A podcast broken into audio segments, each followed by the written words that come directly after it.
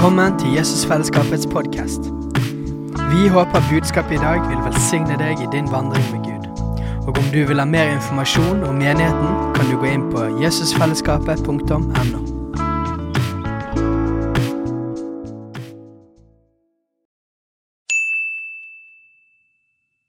Hei! Visste du at Jesusfellesskapet starter en ny bibelskole til høsten? Den heter Jesusskolen og starter den 3. september. Gå inn på jesusskolen.no for mer informasjon. Apostels gjerninger 2. Og så liker jeg å lese litt før og litt etter det som vi egentlig skal snakke om. Så vi kan begynne i vers 41, bare fordi at det er kult. Og lese ned til vers 47. De som nå tok imot hans ord, ble døpt, og den dagen ble det lagt til omkring 3000 sjeler.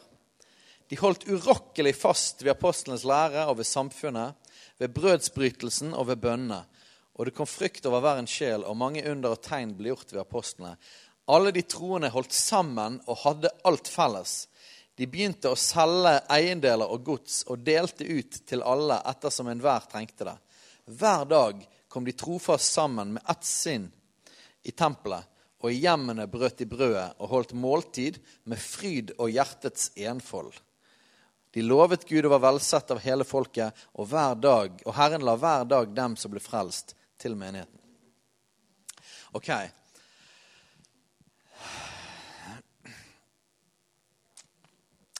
Så mye å si og så lite tid. Men vi kan ikke ta alt det i dag. Vi har jo flere søndager. Men, men det er ett ord som, som, som, jeg fikk ganske tydelig i vår i forhold til sesongen som vi er inne i som menighet. Og eh, det ordet var rett og slett var til og med, fikk et ord fra Gud med hashtag på. ikke det kult? Helligånd følger med i tiden. Og det ordet er rett og slett 'tilbake til røttene'. Eller da hashtag 'tilbake til røttene'. Tilbake til røttene. Hva er det for noe, da? Um, for de som kjenner meg, så vet de at jeg ikke i utgangspunktet er den mest konservative personen. Eh, det er ikke liksom et av mine sterke kjennetegn at jeg elsker gamle dager. Og alt sånn som vi gjorde det før. Jeg er heller motsatt. Jeg liker veldig godt når alt er nytt og ommøblering og sånn. Eh, og, og, nye ting. Det elsker jeg. Men, men, Gud sa 'tilbake til røttene'. Og hva betyr det? Det er litt forskjellige ting. Og egentlig basically skal vi utforske litt det gjennom hele dette året. Både i praksis og i forkynnelse. Eh, og det handler om å gå tilbake til røttene både for Jesusfellesskapet. Ikke bare fordi at det som er gammelt, er best, sånn uansett, for det er det ikke alltid. Men eh, hvis det er sånn at vi har, hvis vi har gått litt av sporet av det som Gud hadde tenkt, så trenger vi å komme litt inn på sporet igjen. Okay? Så det, jeg opplever at det er noen ting som egentlig skulle være en del av oss og hvordan vi gjorde ting, som vi har gått litt vekk fra. Og da trenger vi å gå tilbake. Det er én ting. En annen ting som er tilbake til røttene, er jo noe som har vært en lengsel for meg og for oss og miljøet alltid. Og det er tilbake til røttene av nytestamentlig kristenliv. Er ikke det det vi vil ha? Det er det vi ønsker å speile oss i. Det er det vi lengter etter. Selv om vi er i 2017 og det kan se litt annerledes ut praktisk, og bla, bla, bla, så er det noe med livet og hjertet og måten som man gjorde menighetsliv helt fra starten, som er vår lengsel. Vi prøver ikke å sammenligne oss med alle mulige slags andre menigheter i Norge eller Vesten. Og Det er mange som er kalt til å gjøre ting på en annen måte. Veldig bra. Vi er, vi er forskjellige lemmer i legemet. Men vi kommer aldri til å prøve å sammenligne oss eller bruke det som er populært for menighetsliv nå, som standard for hva vi holder på med. Hvis det er noen som lengter etter det og bare ber til Gud på dine knær om at, å, at Per om at Jesfall skal bli, skal bli like kult som noen av de kuleste menighetene, beklager, du kommer aldri til å få svar på den bønnen. For Det er ikke det vi er kalt til. Enkelt og greit. Det finnes enkelte ting vi er kalt til, og de tror jeg er utrolig viktig at vi er tro i. Men å være de kuldeste er ikke en av de. Eh, vi lengter derimot etter en gjenreisning av nytastamentlig kristenliv. Eh, og, og, det sier noe i forhold til menighet. En av de tingene Jesusfellesskapet vi begynte i hjem. Vi begynte å samles eh, i hjem, som husmenigheter og sånt. Og Det var noe fantastisk med det, og så var det noe som ikke funket så bra med det. Og vi har aldri vært, Poenget er aldri nøyaktig hvordan man gjør formen. Jeg tror man må være fleksibel på hvordan man gjør struktur. Ok? Er dere med på det? Struktur kan endre seg og forme seg, og det kan være forskjellige sesonger. og alt mulig. Eh, det var noen ting som ikke funket. Noe av det som vi savnet når vi kun var i forskjellige hjem, var eh, atmosfæren og opplevelsen av å være enda flere sammen og tilbe. Så både tilbedelsen, men òg eh, settingen for forkynnelse av ordet opplevde vi funker bedre når vi er litt flere folk sammen. Og i en litt annen setting. Men hjemmene er definitivt best på at vi får hjerteconnection og fellesskap. Eh, det er ingenting som slår det. Vi er ikke kalt til til, til å sitte og se hverandre i nakken som enhet. Det kan være, eh, denne settingen kan være bra, og selvfølgelig vi er ikke kjempemange her, men en enda, enda større, en enda større sal med enda flere folk og flere stoler. Eh, den settingen kan være bra for kollektiv tilbedelse og forkynnelse av ordet. Ok? Men, men, når det gjelder fellesskap og familie, så er det ikke den beste settingen. i det hele tatt. Just det at eh, Menigheten i Det nye testamentet hadde ikke noen kirkebygg. Det fantes ingen kirkebygg før år 300. Og Jeg skal ikke snakke altfor mye om det akkurat nå, men når jeg kommer inn på den, så blir jeg litt ivrig. Men dere vet at ordet for menighet, eller kirke det er Begge kirke menighet samme, det kommer fra samme greske ordet. Det er eklesia. Og det betyr ikke bygg. Det betyr ikke et eller annet tre- eller steinbygg eller fabrikklokale omgjort til frimenighet eller katedral. Det betyr en forsamling av mennesker. Så ordet for kirke, ordet for menighet og Noen, ganger skiller man kirken det er liksom bygget, og så er menigheten folkene. Det er det samme ordet på gresk. Menighet er folket. Det er en samling av mennesker som er blitt en familie som hører sammen. på en eller annen måte. Og, og så, For at det ikke bare skal være en klubb, så trenger du Guds nærvær oppå der òg. Jeg har forkynt om det før og skal gjøre det gjennom tempelet i den gamle pakt. Hva var det? Det var en bolig for Guds nærvær. Det var hele poenget. Tempelet var bolig for Guds nærvær. Og Så kunne man komme der, og så var Guds nærvær der. Hva er tempelet i den nye pakt? Det er menigheten. Det er ikke kirkebygget. Det er ikke sånn at det gikk fra tempelet i gamle pakt til, til kirkebygg i ny pakt, og så kom man inn i et hellig rom, og der var Guds nærvær. Nei, nå er det folket som er bolig for Guds nærvær. På pinsedag det som var rett før at vi leste, på pinsedag så kom Han Hellige Ånd og falt på menigheten, folket. Og de var det nye tempelet. Vi er Det er alltid vanskelig å si dette. Steiner, for deg heter det. Men vi er levende steiner. Stein Stein i flertall. Sant? Mange steiner Steiner. Ja, men det er bare at det heter ikke på bergensk. Men eh, masse forskjellig stein sant?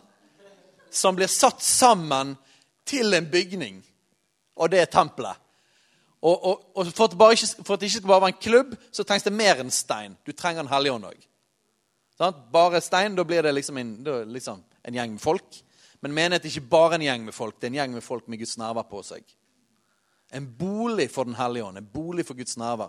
Så, så For det så trenger du to ting. Du trenger folk, og så trenger du Gud. Det er liksom fundamentet i hva menighet er. ikke det?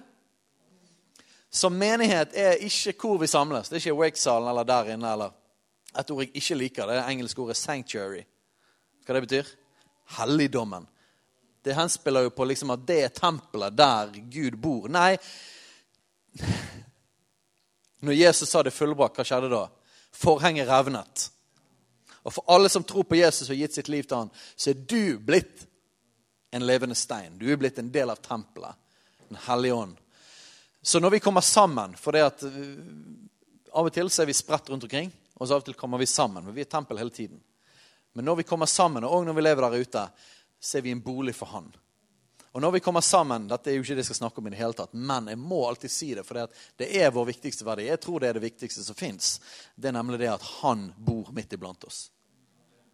Det, det, er poenget. Det må gå an å kunne merke at han er midt iblant oss. Hvis det ikke så er vi gjeng med idioter. Enkelt og greit. Han er midt iblant oss. Guds nærvær er, er over oss. Ok, Men så vi er levende stein. En av de andre bildene, eller en av de andre ordene for menighet, i tillegg til tempel og masse stein som blir puttet sammen, det er kropp. Vi er en kropp, og vi er forskjellige kroppsdeler. Noen er skulder, og noen er finger og kne og forskjellig. sant? Vi er forskjellige kroppsdeler. Så det betyr at vi er utrolig essensielle alle sammen. Og så er vi forskjellige, og så funker ikke vi helt supert uten at vi er sammen. Vi er rett og slett skapt til å være kropp. Hallo? Det var sånn ja, Det er bare meg og Jesus alene. Nei. Vi er en kropp. Du, har, Gud har med vilje skapt oss avhengig av hverandre. Vi er faktisk elendige kristne alene. Et annet budskap jeg har, er at vi er basically elendige kristne uansett. Men Jesus er en veldig god kristen. Og vi får bytte vår elendighet med hans perfekthet. Amen. Og Den andre siden av saken er det at vi funker ikke bra alene uansett. Til og med med Jesus inni oss funker ikke vi alene. Han har skapt oss avhengig av hverandre. Det er meningen. For han ville ikke at vi skulle bli arrogante idioter. Sånn som jeg og mange av oss har vært mange ganger. Vi tror at vi klarer oss sjøl. Han, han, han, lar oss få komme og få vise vår tilkortkommenhet, som gjør at vi skjønner at vi trenger hverandre. Vi trenger generasjonene. Vi trenger mødre og fedre, vi trenger brødre og søstre. Eh, og i en forsamling, i en lokal menighet, så, så, trenger vi hverandre. Så kropp er et av de andre bildene på menighet. En annen, Det tredje bildet på menighet i Nytestamentet, det er familie.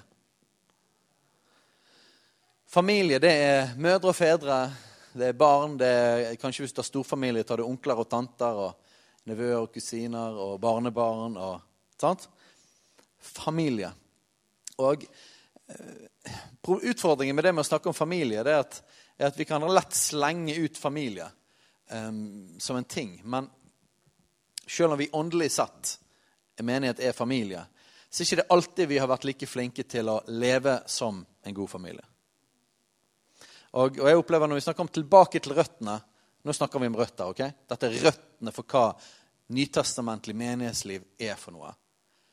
Vi ser altså ikke på hvordan funker menighet i 2017 sånn gjennomsnittlig i Norge. Nei, vi ser på hvordan var menighet i Det nye testamentet. Og, og, Det er ikke nytt for oss, men jeg kjenner Den hellige ånd har lagt et veldig trykk på at vi skal utforske det enda dypere dette året. Hva, hvordan ser menighetslivet ut? Hvordan ser det ut for oss å ligne enda mer på menigheten i Nytestamentet? Eh, og En av de hovedordene da, tilbake til røttene, det er familie. Hvordan ser det ut å være familie? La meg bare slenge ut noen ting. Eh, jeg har, jeg, har, jeg har, tenkt og jeg har skrevet og jeg har bedt prøvd å observere hvordan ser familie ut. Og Det er litt forskjellig eh, om vi tenker kjernefamilien eller storfamilie. Jeg tenker gjerne at menighet er litt mer som storfamilien enn kanskje kjernefamilien. Men så, altså, hva er liksom hovedtrekk? Og En av trekkene som jeg bare ikke kommer utenom når vi snakker om familie, det er La meg si før jeg sier svaret. Er det noen som har vært på et familiebesøk en gang? Ok. Med mindre jeg tar veldig feil. Jeg, mener, jeg vil bli overrasket hvis jeg tar feil på dette. Men jeg har aldri hørt om et familieselskap uten mat.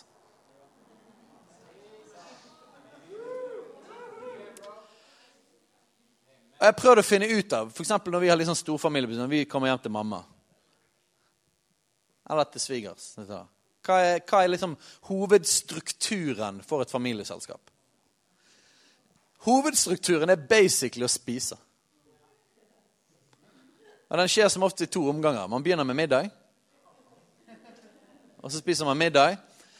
Og så Hva skjer når vi spiser?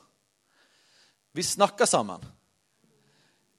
Måltidet er en struktur, om vi, om vi, er bevisst på det eller ikke. Det er liksom en struktur for fellesskap.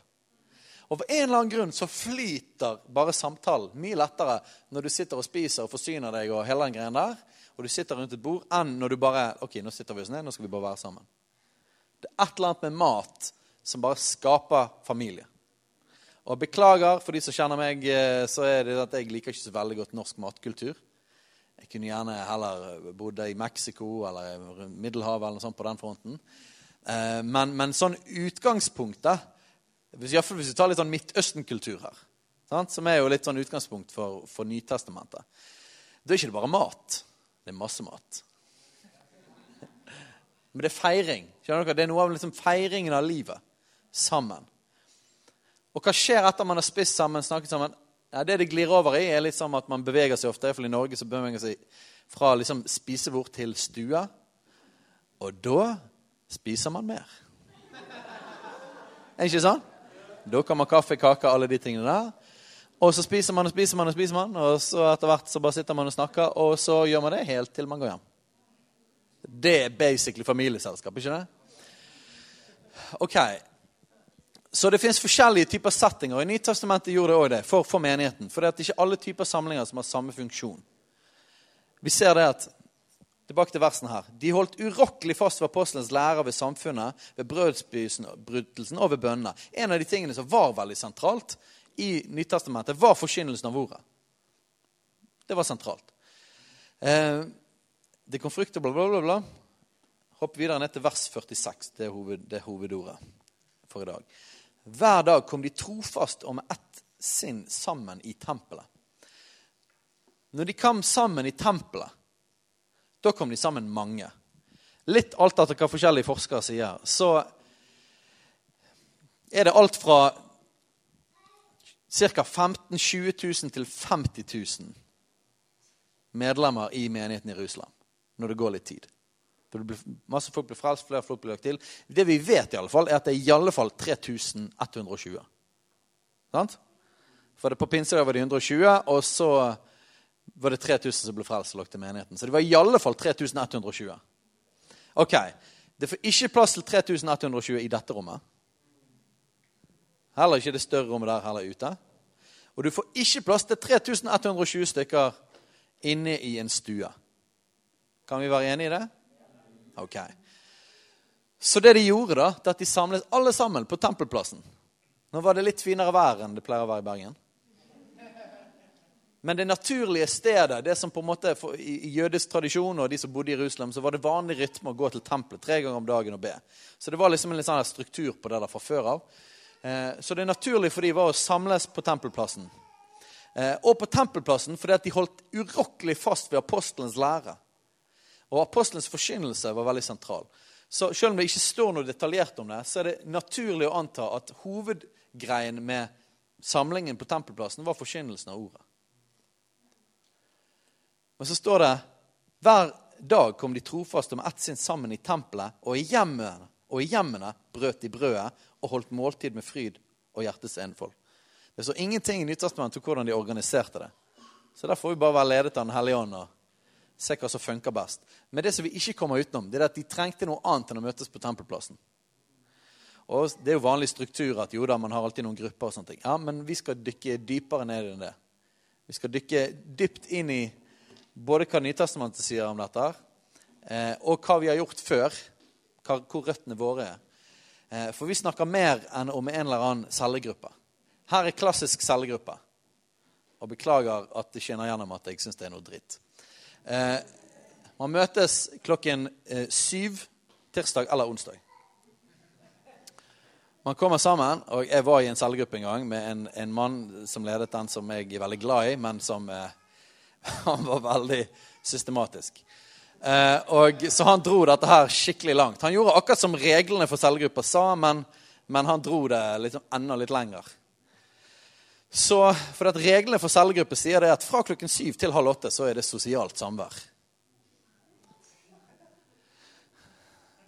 Og Det er nøyaktig to timers samling. Og den er delt i fire. Dette er klassisk cellegruppesystem. Og det vår kjære cellegruppeleder gjorde, det at han hadde stoppeklokke på. Så mens vi pratet og hei og bla, bla, bla, bla, bla så, Ferdig. Nå skal vi. Jeg vil ikke huske neste post. Nå var det lovsang eller et eller annet. Bang! Nøyaktig en halvtime. Nå skal vi dele ordet. Bang! En halvtime til. Nå skal vi, nå skal vi be for ufrelse, eller hva det var. Bang! Nå er vi ferdig. Jeg sier ikke at det ikke kan ha sin funksjon med, med, med gode strukturer. Men familie ligner det ikke på. Hallo? Noen som har vært på familiebesøk, som fungerer på den måten? Så ikke la oss lure oss sjøl og si det at ja, men hjemmene burde brød. Å, cellegrupper. Nei. Jeg er ikke helt sikker på om bare fordi vi har små grupper, at vi nødvendigvis får smake og erfare kjernen av hva det faktisk eh, handler om. Hører dere hva jeg, snakker, hva jeg sier? Hjemmene brøt de brødet og holdt måltid med fryd og hjertets enfold. Hadde det vært cellegruppesystemet, så hadde det vært sånn her OK, nå skal vi ha en halvtime fryd. Og så neste halvtime skal vi ha hjertets enfold. For det, jeg vet ikke hva det betyr engang. Men, men ting er, to ting er helt sikkert. De spiste måltid sammen. Og da glemte jeg en av de tingene jeg skulle mobbe cellegruppesystemet for. Og det er det at eh, hvis man skulle spise sammen ikke, Hvis man har liksom spising i det systemet, da tok man fram Marie-kjeks og te. Kanskje safari, hvis man topper det. Beklager, altså. Det handler, dere, jeg liker jo mye mat og sånn, men for meg så blir det nesten en spott, altså. Vet dere til og med dette er så sentralt, måltidet er så sentralt i Guds rike og i familie og i menighet at vi skal til og med spise måltid. Det er en av de store greiene Jesus snakket om. At vi skal spise det sammen igjen i himmelen. Uhu! Jeg skal ikke drikke vin igjen før da. Det var liksom et poeng. Skjønner dere? Måltid. Skikkelig måltid. Eh, ja, det er mye man kan si. Um, I hjemmene brøt de brødet og holdt måltid med fryd og hjertet sin. De spiste ikke kjeks og drakk te. De spiste ordentlig sammen. Hvorfor det? Hva, hva er poenget med det? Er det så viktig med hvor mange kalorier man får ned? sånn som det? Er det så viktig hvor lang tid det tar å tilberede? Nei, men det er et eller annet med kjeks som ikke skaper det samme fellesskapet som ordentlig mat gjør. Ja, men det er det. Hadde ikke du vært litt skuffet hvis du kom på neste familiebesøk? Hæ? Tar dere poenget? Hvorfor det? Det, tar noe, det tar noe fra hele, liksom, hele, hele fellesskap og kos-biten ut av det. Og det er viktig. Vi er skapt sånn. Vi trenger det, gjør ikke vi det? Tenk julemiddagen sånn, da.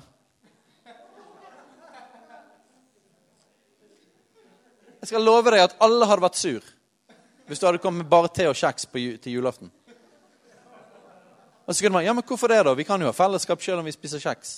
Ikke helt det samme som pinnekjøtt eller ribbe. Skjønner dere? Måltidet er Og Dette er en annen tale igjen, vi kommer inn i som er interessant, men vi er skapt som ånd, sjel og kropp. Ånd, sjel og kropp. Vi, vi, er, vi er ikke bare skapt som en ånd. Vi er òg ånd. Men vi er ikke bare ånd. Og det er ikke sånn at når vi kommer til himmelen, skal vi bare være ånd. Vi skal få en ny, ny kropp. Vi ble skapt fysiske. Og jeg, kan ikke beskrive hvor glad jeg ble når jeg fant ut en eller annen gang at vi ikke skal være sånne ånder som spiller harpe i himmelen. Men at vi faktisk skal spise. Vi skal faktisk gjøre ting. Vi skal skjønner Og at det faktisk Vet dere dette òg? Vi skal ikke til himmelen engang. Nå blir det litt drøyt her. Himmelen er jo bare en liten ventegreie. Det Vi skal Vi skal bo for alltid på en ny jord. Vi er skapt til å bo på jord. Hvorfor sier jeg dette? her? Jo, fordi vi må oppjustere det fysiske. Dette er viktig. Mat er viktig. Fellesskapet. Hvis vi skal være bedre på familie Vi være, vi er familie teologisk sett, men hvis vi praktisk skal erfare gleden og nærheten og alt det, så, så må vi spise mer sammen. Før så spiste vi sammen på, på søndager. Det var mye stress med. Iallfall når vi ble mange. Det funket når vi var færre. Det ble hurlumhei og hele greien. Så ok, det var kanskje ikke det dummeste i verden at vi sluttet med det. Men vi har ikke fått det tilbake gjennom JF-gruppene. Så her er en ting som kommer til å skje. Vi dropper hele JF-gruppene. Bare kaster de rett ut. Ja, det var en ting. Og så, og så begynner vi å komme sammen i hjemmene og spise. Eh, hva gjorde de når de hadde spist? I fortsettelsen av det, eller i settingen av måltid, så hadde de nattverd. Jesus sa 'gjør dette til minne om meg'. Og det er sånn som man kan hvis man har kristen lenge. Men jeg, jeg, må ærlig si det at jeg forsto ikke hele liksom greien med nattverd og gjør dette minne om meg, før vi begynte med husmenigheter. Og før vi begynte å spise sammen og så i den konteksten hadde nattverd. For det første så tok de ikke oblater. Sant? Men de tok av den maten som de spiste. Så vi kunne gått lenger inn i påskemåltidet, og alle ting sammen med det. men de tok av det de spiste. Det var i konteksten av måltid. Det var i konteksten av fellesskap. Og en annen sentral ting som, som jeg bare opplevde så livgivende når vi hadde, når vi hadde husmenigheter, var det at, at nattverden gjorde at evangeliet kom mer naturlig fram. For Du kan ikke ha nattverd uten å snakke om at Jesus døde for våre synder. At han eh, betalte synd med, med, med, sitt blod. At vi får fellesskap med han, Og alt det som ligger i evangeliet. sant? Plutselig så begynte jeg å få en ny Jeg vokste opp i en kristen sammenheng, jeg vokste opp i bedehussammenheng. Har hørt evangeliet opp og ned i mente. Og må innrømme at jeg var rimelig lei av det når jeg var tenåring. Bare høre lov og evangelium enda en gang. Eh, og For meg var den store omveltningen i livet det var å bli døpt i Den hellige ånd. Og få oppleve livet i Den hellige ånd. Det forandret livet mitt. Men det gjorde det at jeg liksom, ja, evangeliet det kan jeg. på en måte. Det, det ligger nå bare der. Eh, liksom, vi trenger ikke snakke så mye om det, for jeg er frelst. Så jeg, jeg, tok aldri den greia. Men når vi begynte å samles hjemme, når vi spiste sammen, og så tok nattverd, plutselig så bare slo det inn mer. Jeg vet ikke om det var settingen fordi at, fordi at det ikke ble en sånn litt sånn kunstig setting, sånn som på et møte. Men det ble faktisk i den settingen som det ble lagd. Husk det? Det var sånn nattverd.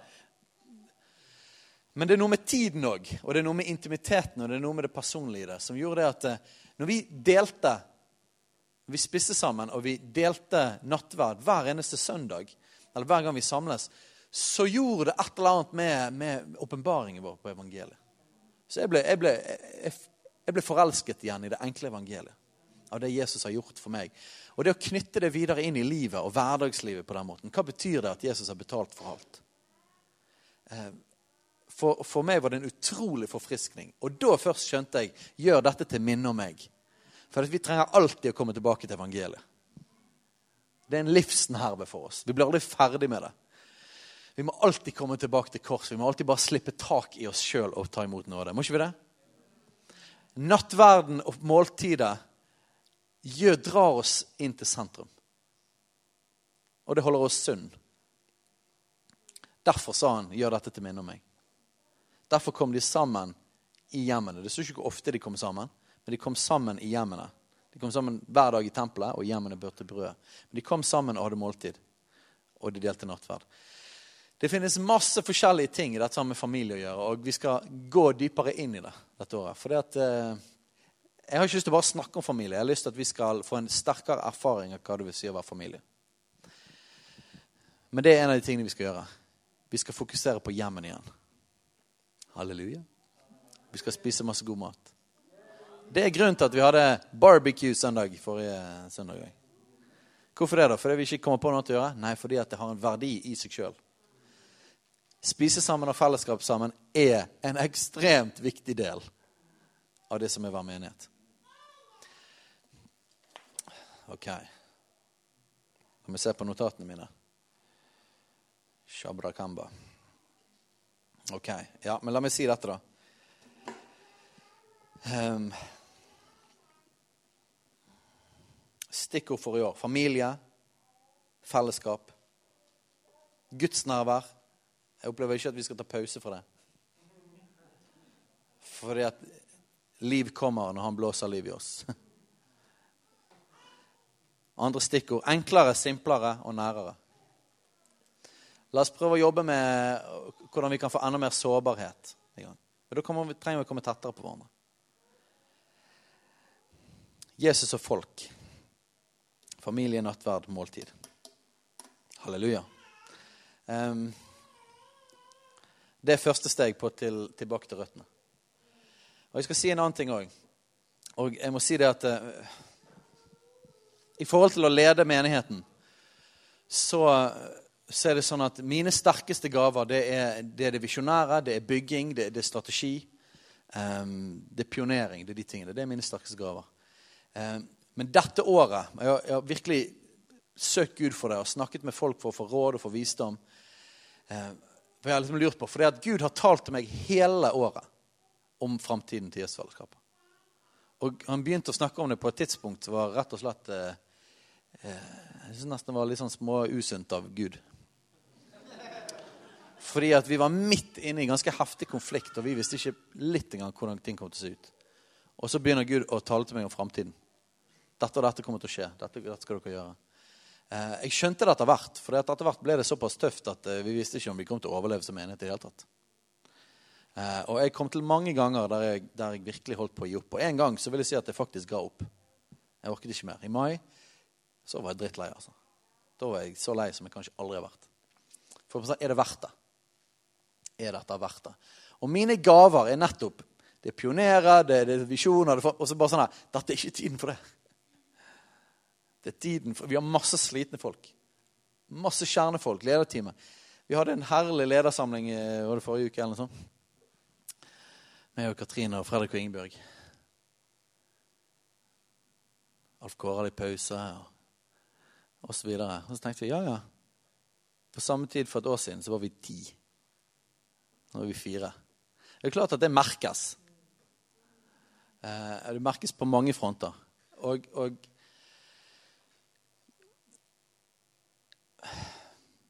I mai så var noe av det som var tøffest for meg, det var det at Gud har talt om så mye ting. Og jeg er egentlig klar for å fyre på videre. Men folk er ikke klar for det. Dere er på litt forskjellige steder, så det, det er helt greit. Men mange sentrale folk er ikke klar for det. Faktisk kunne vært litt sånn her, eh, Hvis vi hadde dundret på med heftige visjoner nå, så eh, hadde det vært takk og farvel for mange folk. De hadde ikke orket å være med. Folk er blitt slitne av det kjøret vi har holdt på med i så mange år. At vi, vi, har vært stolt av, og på mange måter er det fortsatt, men vi er stolt av at vi har hatt en så stor gjeng i denne menigheten som har vært så aktiv og så frivillig engasjert. Vi har jo sånn eh, karneval sånn, eh, for frivillige medarbeidere. Det er vel de som gjør noe ekstra eh, I, I, tillegg til grupper og masse greier har ansvar for forskjellige ting. Og vi var jo 100 stykker på de festene. Av sånne 100 voksne. Sant? Og så har vi noen barn. Jeg mener, Folk har gitt utrolig mye i disse årene. Og det er fantastisk. Og vi er så takknemlige for det. Men, men nå når denne krisen kom i fjor, så var det mange som ble utrolig slitne. Og luften har gått ut av ballongen for mange. Så Gud har talt til meg, talte så mye om så mange ting, fantastiske ting som han vil gjøre. Men så bare klasjet det bare med jeg så det, at folk er ikke klar for det i det hele tatt. Og jeg, bare, jeg vet ikke om jeg orker å gå gjennom en sånn fase der vi bare skal gjør ingenting. Dette var min største kamp. Jeg vet ikke om jeg orker det, men samtidig vi kan ikke dure på videre. Folk trenger pause. Folk trenger å få jobbe med hjertene sine. Folk trenger tid til helbredelse. Folk, folk, folk må gå gjennom prosessene skikkelig.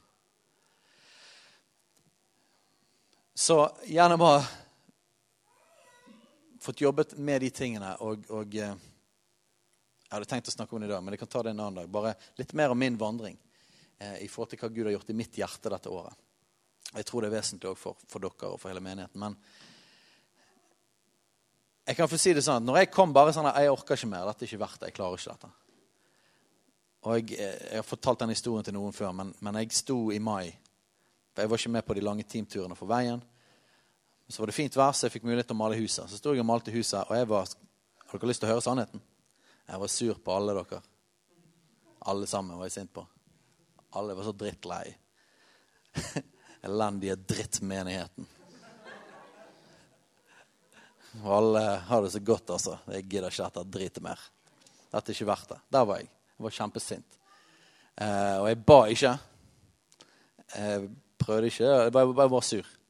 Og jeg var så sur at det går ikke over. Sant? Du bare Hver dag du våkner opp sur, og du er sur hele dagen, og du legger deg sur. og Bare sur på alle.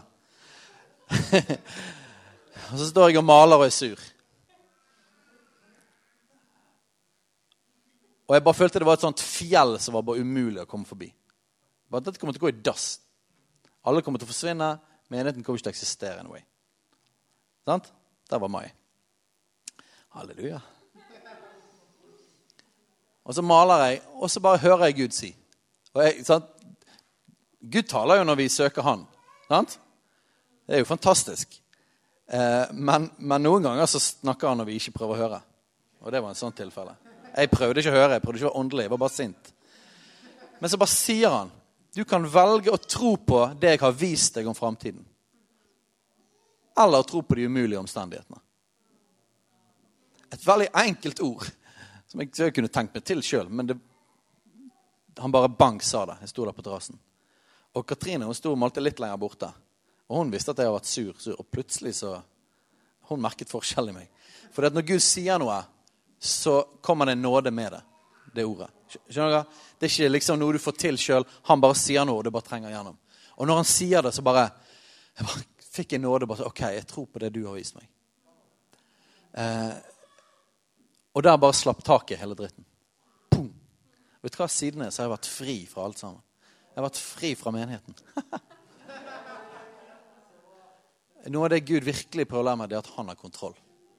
Jeg har ikke, vi har ikke. Det er ikke noe poeng å prøve engang. Han har kontroll. Vi, vi, står her, jeg står her. Vi, vi er fordi at han har tenkt et eller annet med denne gjengen her. Hvis ikke så hadde dette, dette hadde vært tidspunktet for å gå i dass. altså. Dette hadde vært tiden for vår undergang, folkens. Jeg vet, jeg vet, personlig, Mange av dere her inne som jeg har snakket med personlig, som har sagt det at de var så lei av menigheten at de hadde bestemt seg for å forsvinne. De hadde bestemt seg. Og så får ikke de lov av Gud. Gud tvinger dem til å være med i menighetene. Flere av dere. ikke det kult? Vet du hva det gjør? Det tar vekk presset for at det er vi som holder dette greiene oppe. Jeg står her nå ikke fordi at, fordi at jeg fikk det til, eller fordi Nei, han ville det. That's it. Sånn er det. Gud begynte å si i begynnelsen av september i fjor så begynte han å si Sverre kommer aldri tilbake. Du skal ta over som leder. OK, da sa jeg det. Det var rimelig ubehagelig å høre. Jeg trodde jeg var gal en stund. Helt til oppi titalls personer begynte å profetere over meg. Fra andre steder som ikke vet hva vi holder på med. Og hva er poenget med å si det, da? Du er her av en grunn, jeg er her av en grunn, vi er her av en grunn. Har, det er Gud som vil dette. That's it. Og jeg gidder ikke prøve å ha kontroll på det engang. Sant? Så jeg fikk høre rett før vi skulle begynne Alf Kåre er sykemeldt òg. Ja, men det vet hva, det gjør ingenting, for det at eh, vi har gitt opp kontrollen over dette. En av de tingene som blir brutt dette året, det er en ånd av kontroll. Han har kontroll. Mm.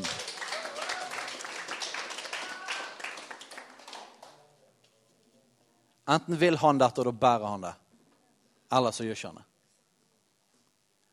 Og jeg har ingenting annet å komme med enn at, uh, men at jeg personlig hadde gitt opp. Hadde gitt opp hele gjengen. Alt sammen. Men han hadde visst ikke gitt opp. Og hva skal vi da gjøre? Men så er det ikke bare han sier det, men han gir nåden til deg. Og plutselig så kan man plutselig stå i det som man egentlig ikke klarer. Er ikke det fantastisk? Jeg har, kjent meg, jeg har mer ansvar nå enn noen gang. Jeg har aldri kjent mindre ansvar i hele mitt liv. Fordi at Om det kommer folk her på søndager og alt mulig, jeg mener det er, hans, det er hans problem, hele greien. Hvis han har sagt at dette skal skje, så får jeg bare gjøre det han sier. Og så får han gjøre det han har tenkt. Vet du hva? Jeg sier dette ikke bare for å liksom gi litt informasjon om, om, lederskap i menigheten, men jeg sier det fordi at um, jeg tror det er sånn at vi, sånn skal vi alle få lov til å leve. At han har kontroll. Eh, og eh, hvis han har kalt deg til å være her, med i denne familien, fantastisk.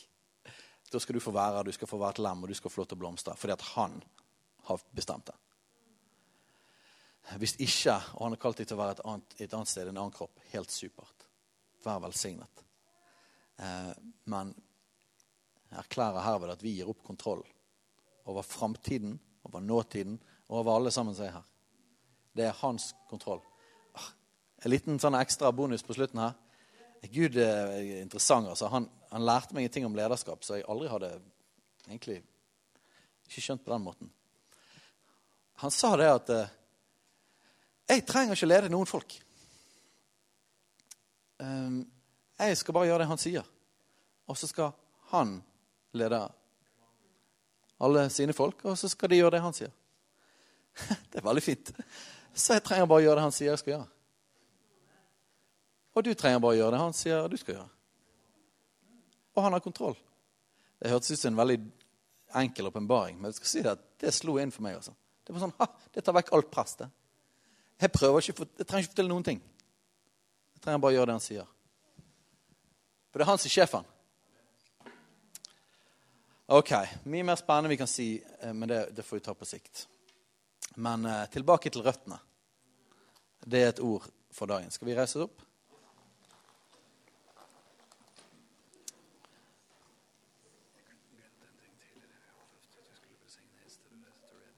Ja, ja. Ta det etter. Vi bare tar en bønn etter. Så Jesus, takk for at hele denne greien er din greie. Og hvis det ikke, så er vi bare noen altså Da Ja, da er vi noen fjols. Anyway. Hvorfor skal vi sitte her inne i dette rommet her? Hvis det bare øh, Hvis det er drevet av oss.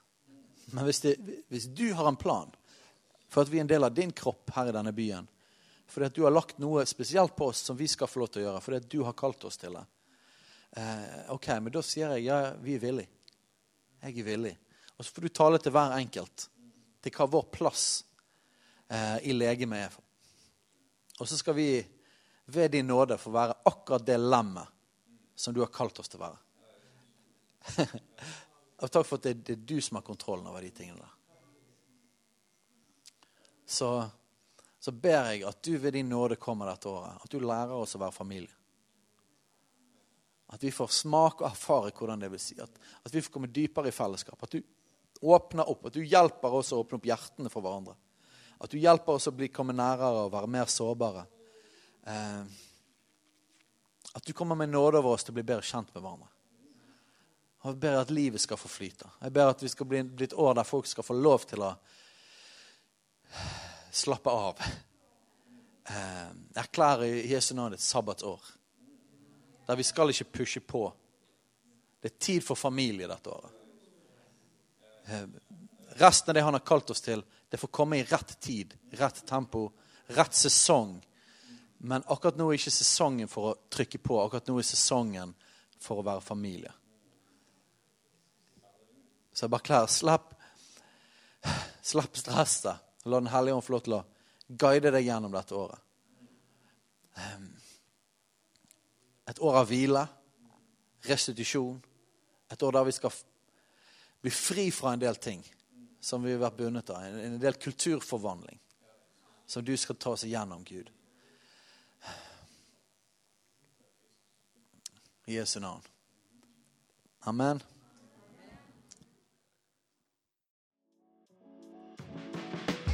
Hei, alle sammen. Det er Katrine og Steinar Lofnes her. Vi er hovedledere for Jesusfellesskapet. Så kjekt du har lyttet til denne podkasten. Har du forresten hørt noen av de andre podkastene våre?